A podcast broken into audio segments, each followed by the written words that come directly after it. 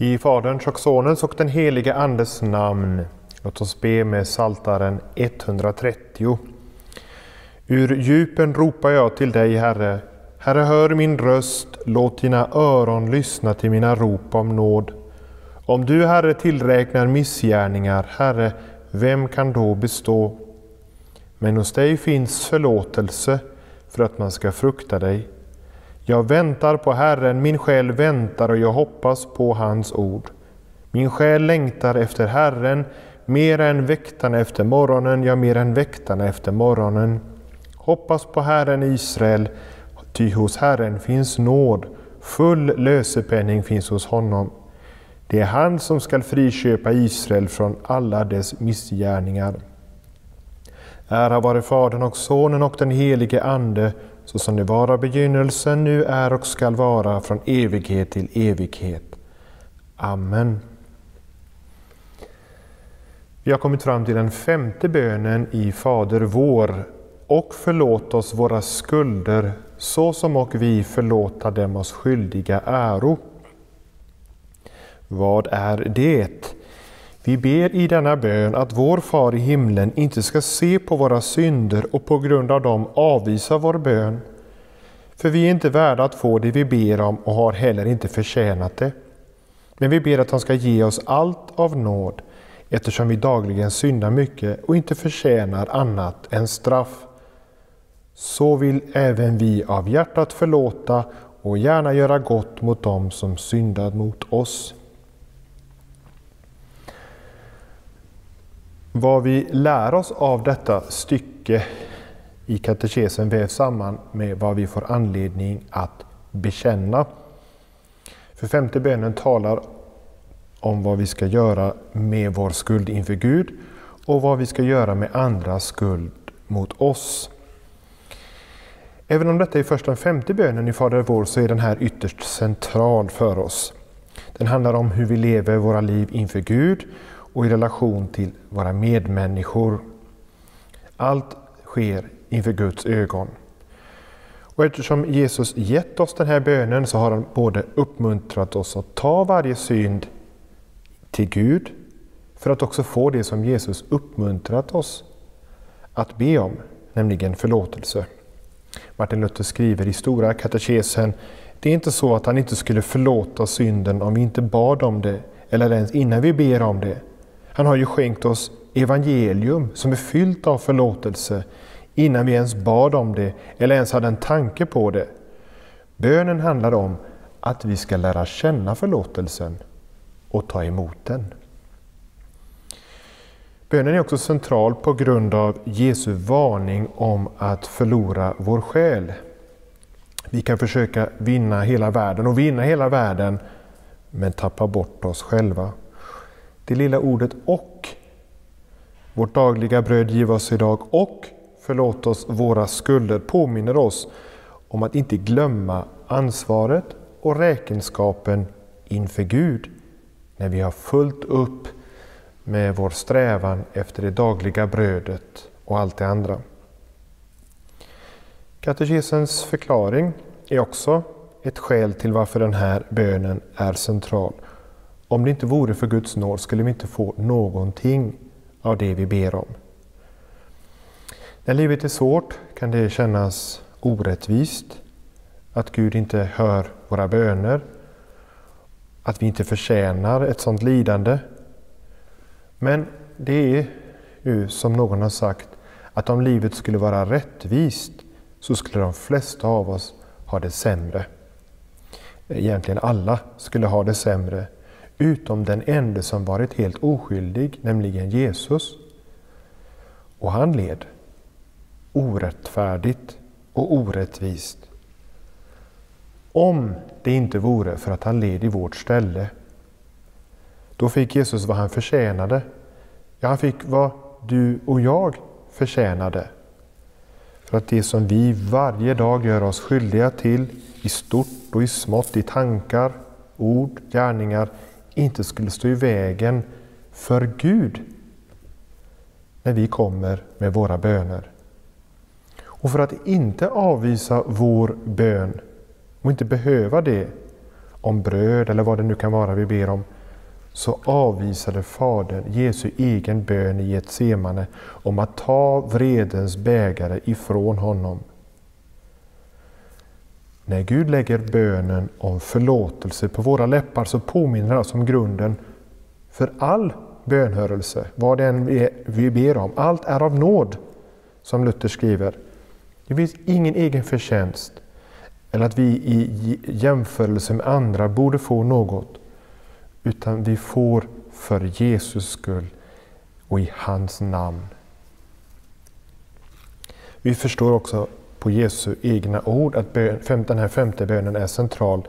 För när Jesus hade lärt ut hela Fader vår så la han till ett litet förtydligande, liksom som en understrykning just av den femte bönen när han sa, det här är Matteus 6, Ty om ni förlåter människorna deras överträdelser skall er himmelske fader också förlåta er. Men om ni inte förlåter människorna skall inte heller er fader förlåta era överträdelser.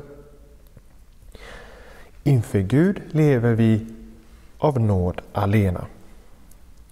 Men nåden är inte alena. Den gör något med oss och den måste göra något med oss. Och Det finns en enkel logik i detta med att förlåta andra så som Gud förlåtit oss. Skulle jag hamna i ett läge där jag inte vill förlåta en medmänniska så ställs det i direkt relation till hur jag ser på Gud. Jag vill att min fiende ska få vad han förtjänar. Men vill jag att Gud ska ha den inställningen till mig? Guds förlåtelse omvandlar hjärtats inställning till medmänniskorna.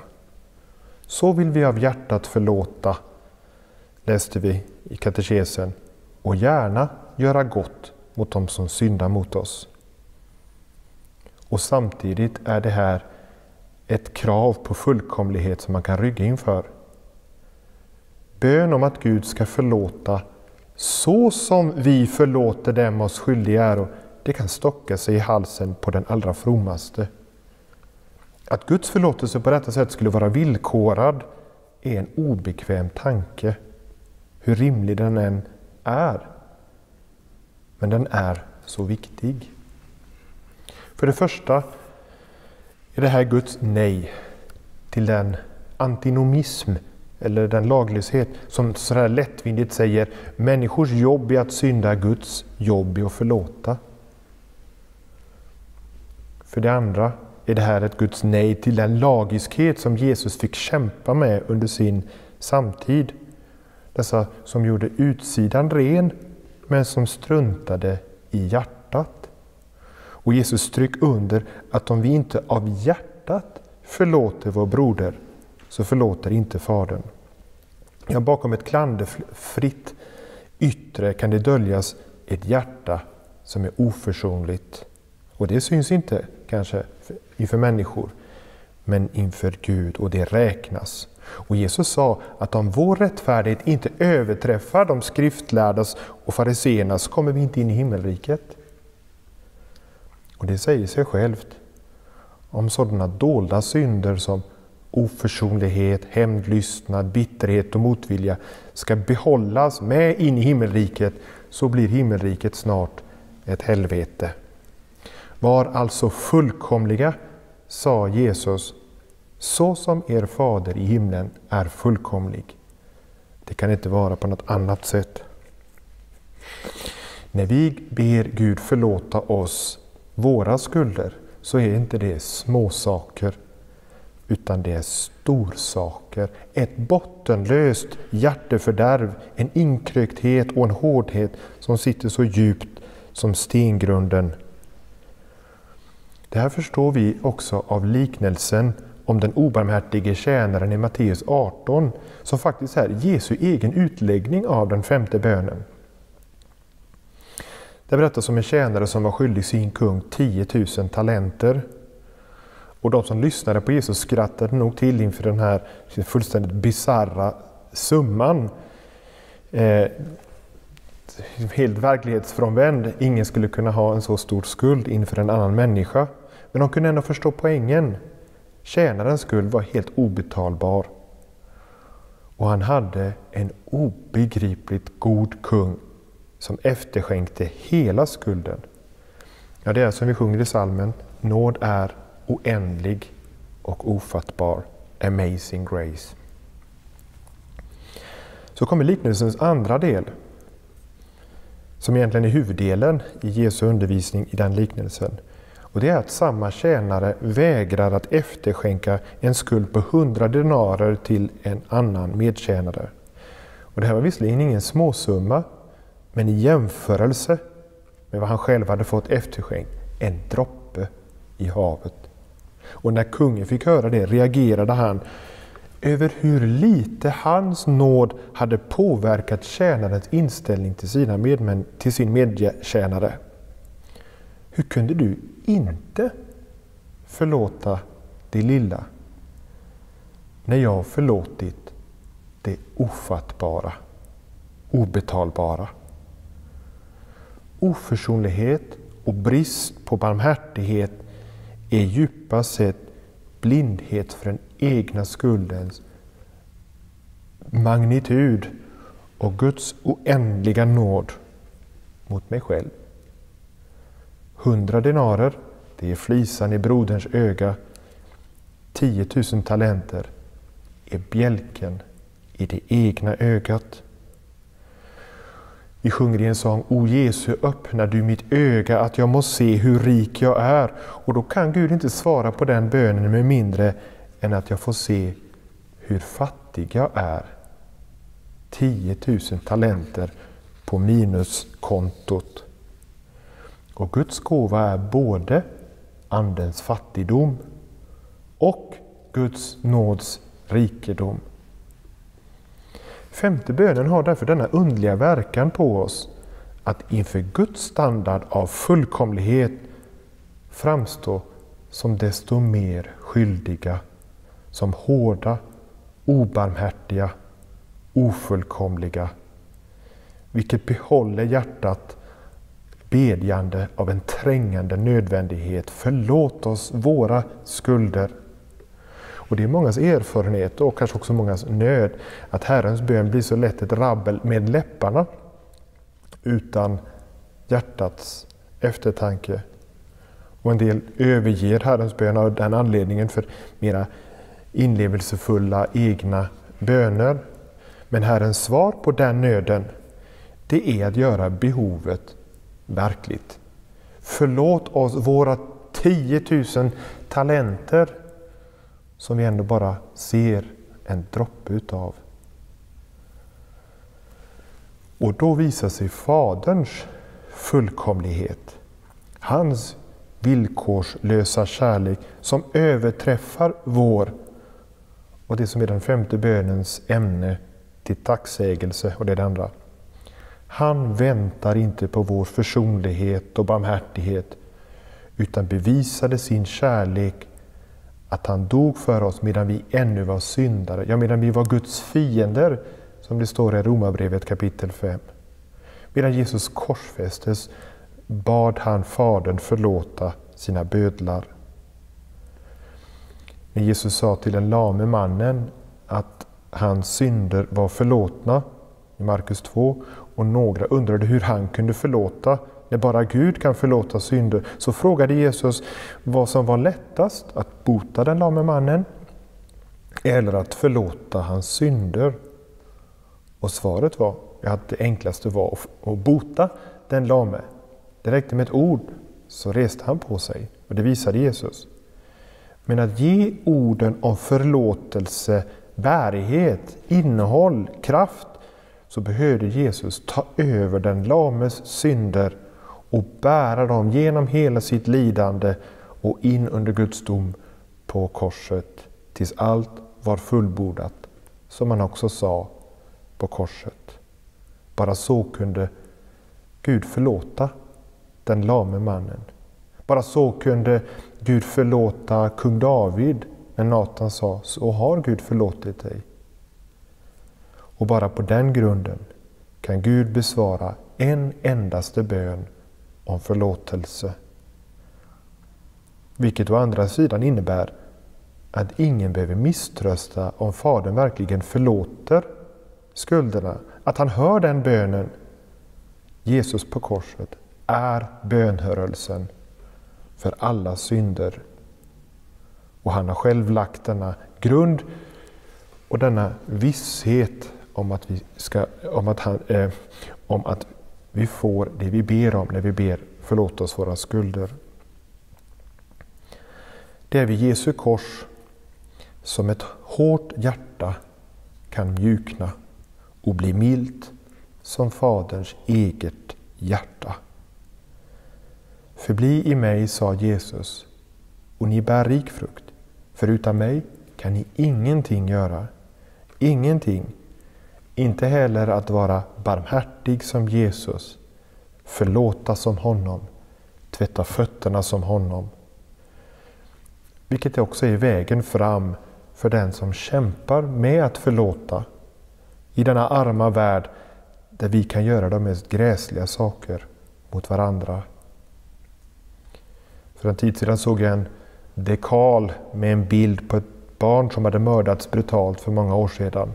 Och så stod det aldrig glömma, aldrig förlåta på dekalen.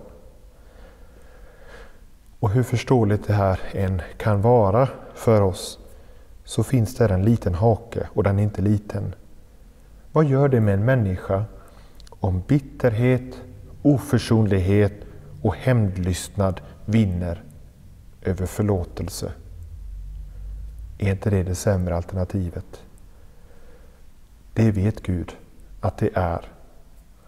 Och Gud själv, han är inte sådan. Om än era synder är blodröda ska de bli vita som snö, skriver profeten Jesaja. Dina synder kommer jag inte mer ihåg. Att släppa taget om fienden och hans brott och förlåta dem oss skyldiga äro, det är inte bara Guds önskan för oss, utan det handlar också om vårt eget bästa. Och till slut är det också ett av de starkaste vittnesbörden om Gud om hur Gud är. Aldrig glömma, aldrig förlåta, det är vår visa. Men det är inte Guds. Och hur kan jag, hans barn, visa på något annat inför mina medmänniskor? En människa kan överväldigas över smärtan som en annan människa har åsamkat långt efter det att det inträffade.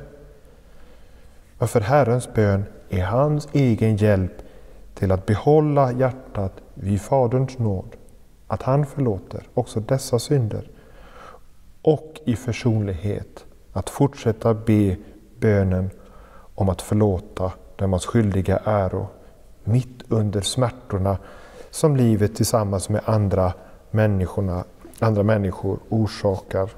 Det här är en bön att be varje dag. Ja, vad denna bön leder oss till att be. Det är mycket, men låt oss sammanfatta det som vi har sagt i följande bön. Fader i himlen, se inte vår synd som ett hinder för dig att höra våra böner och bönhöra oss. Vi är inte värda någonting av det vi ber om och har inte förtjänat någon bönhörelse, för vi syndar varje dag. Men vi ber att du ska ge av nåd. Och ger du av nåd så har du också gett oss nåd att av hjärtat förlåta dem oss skyldiga äro. I din stora barmhärtighet, hör oss för din Sons Jesu Kristi skull. Amen. Och vi ber också med Herrens bön.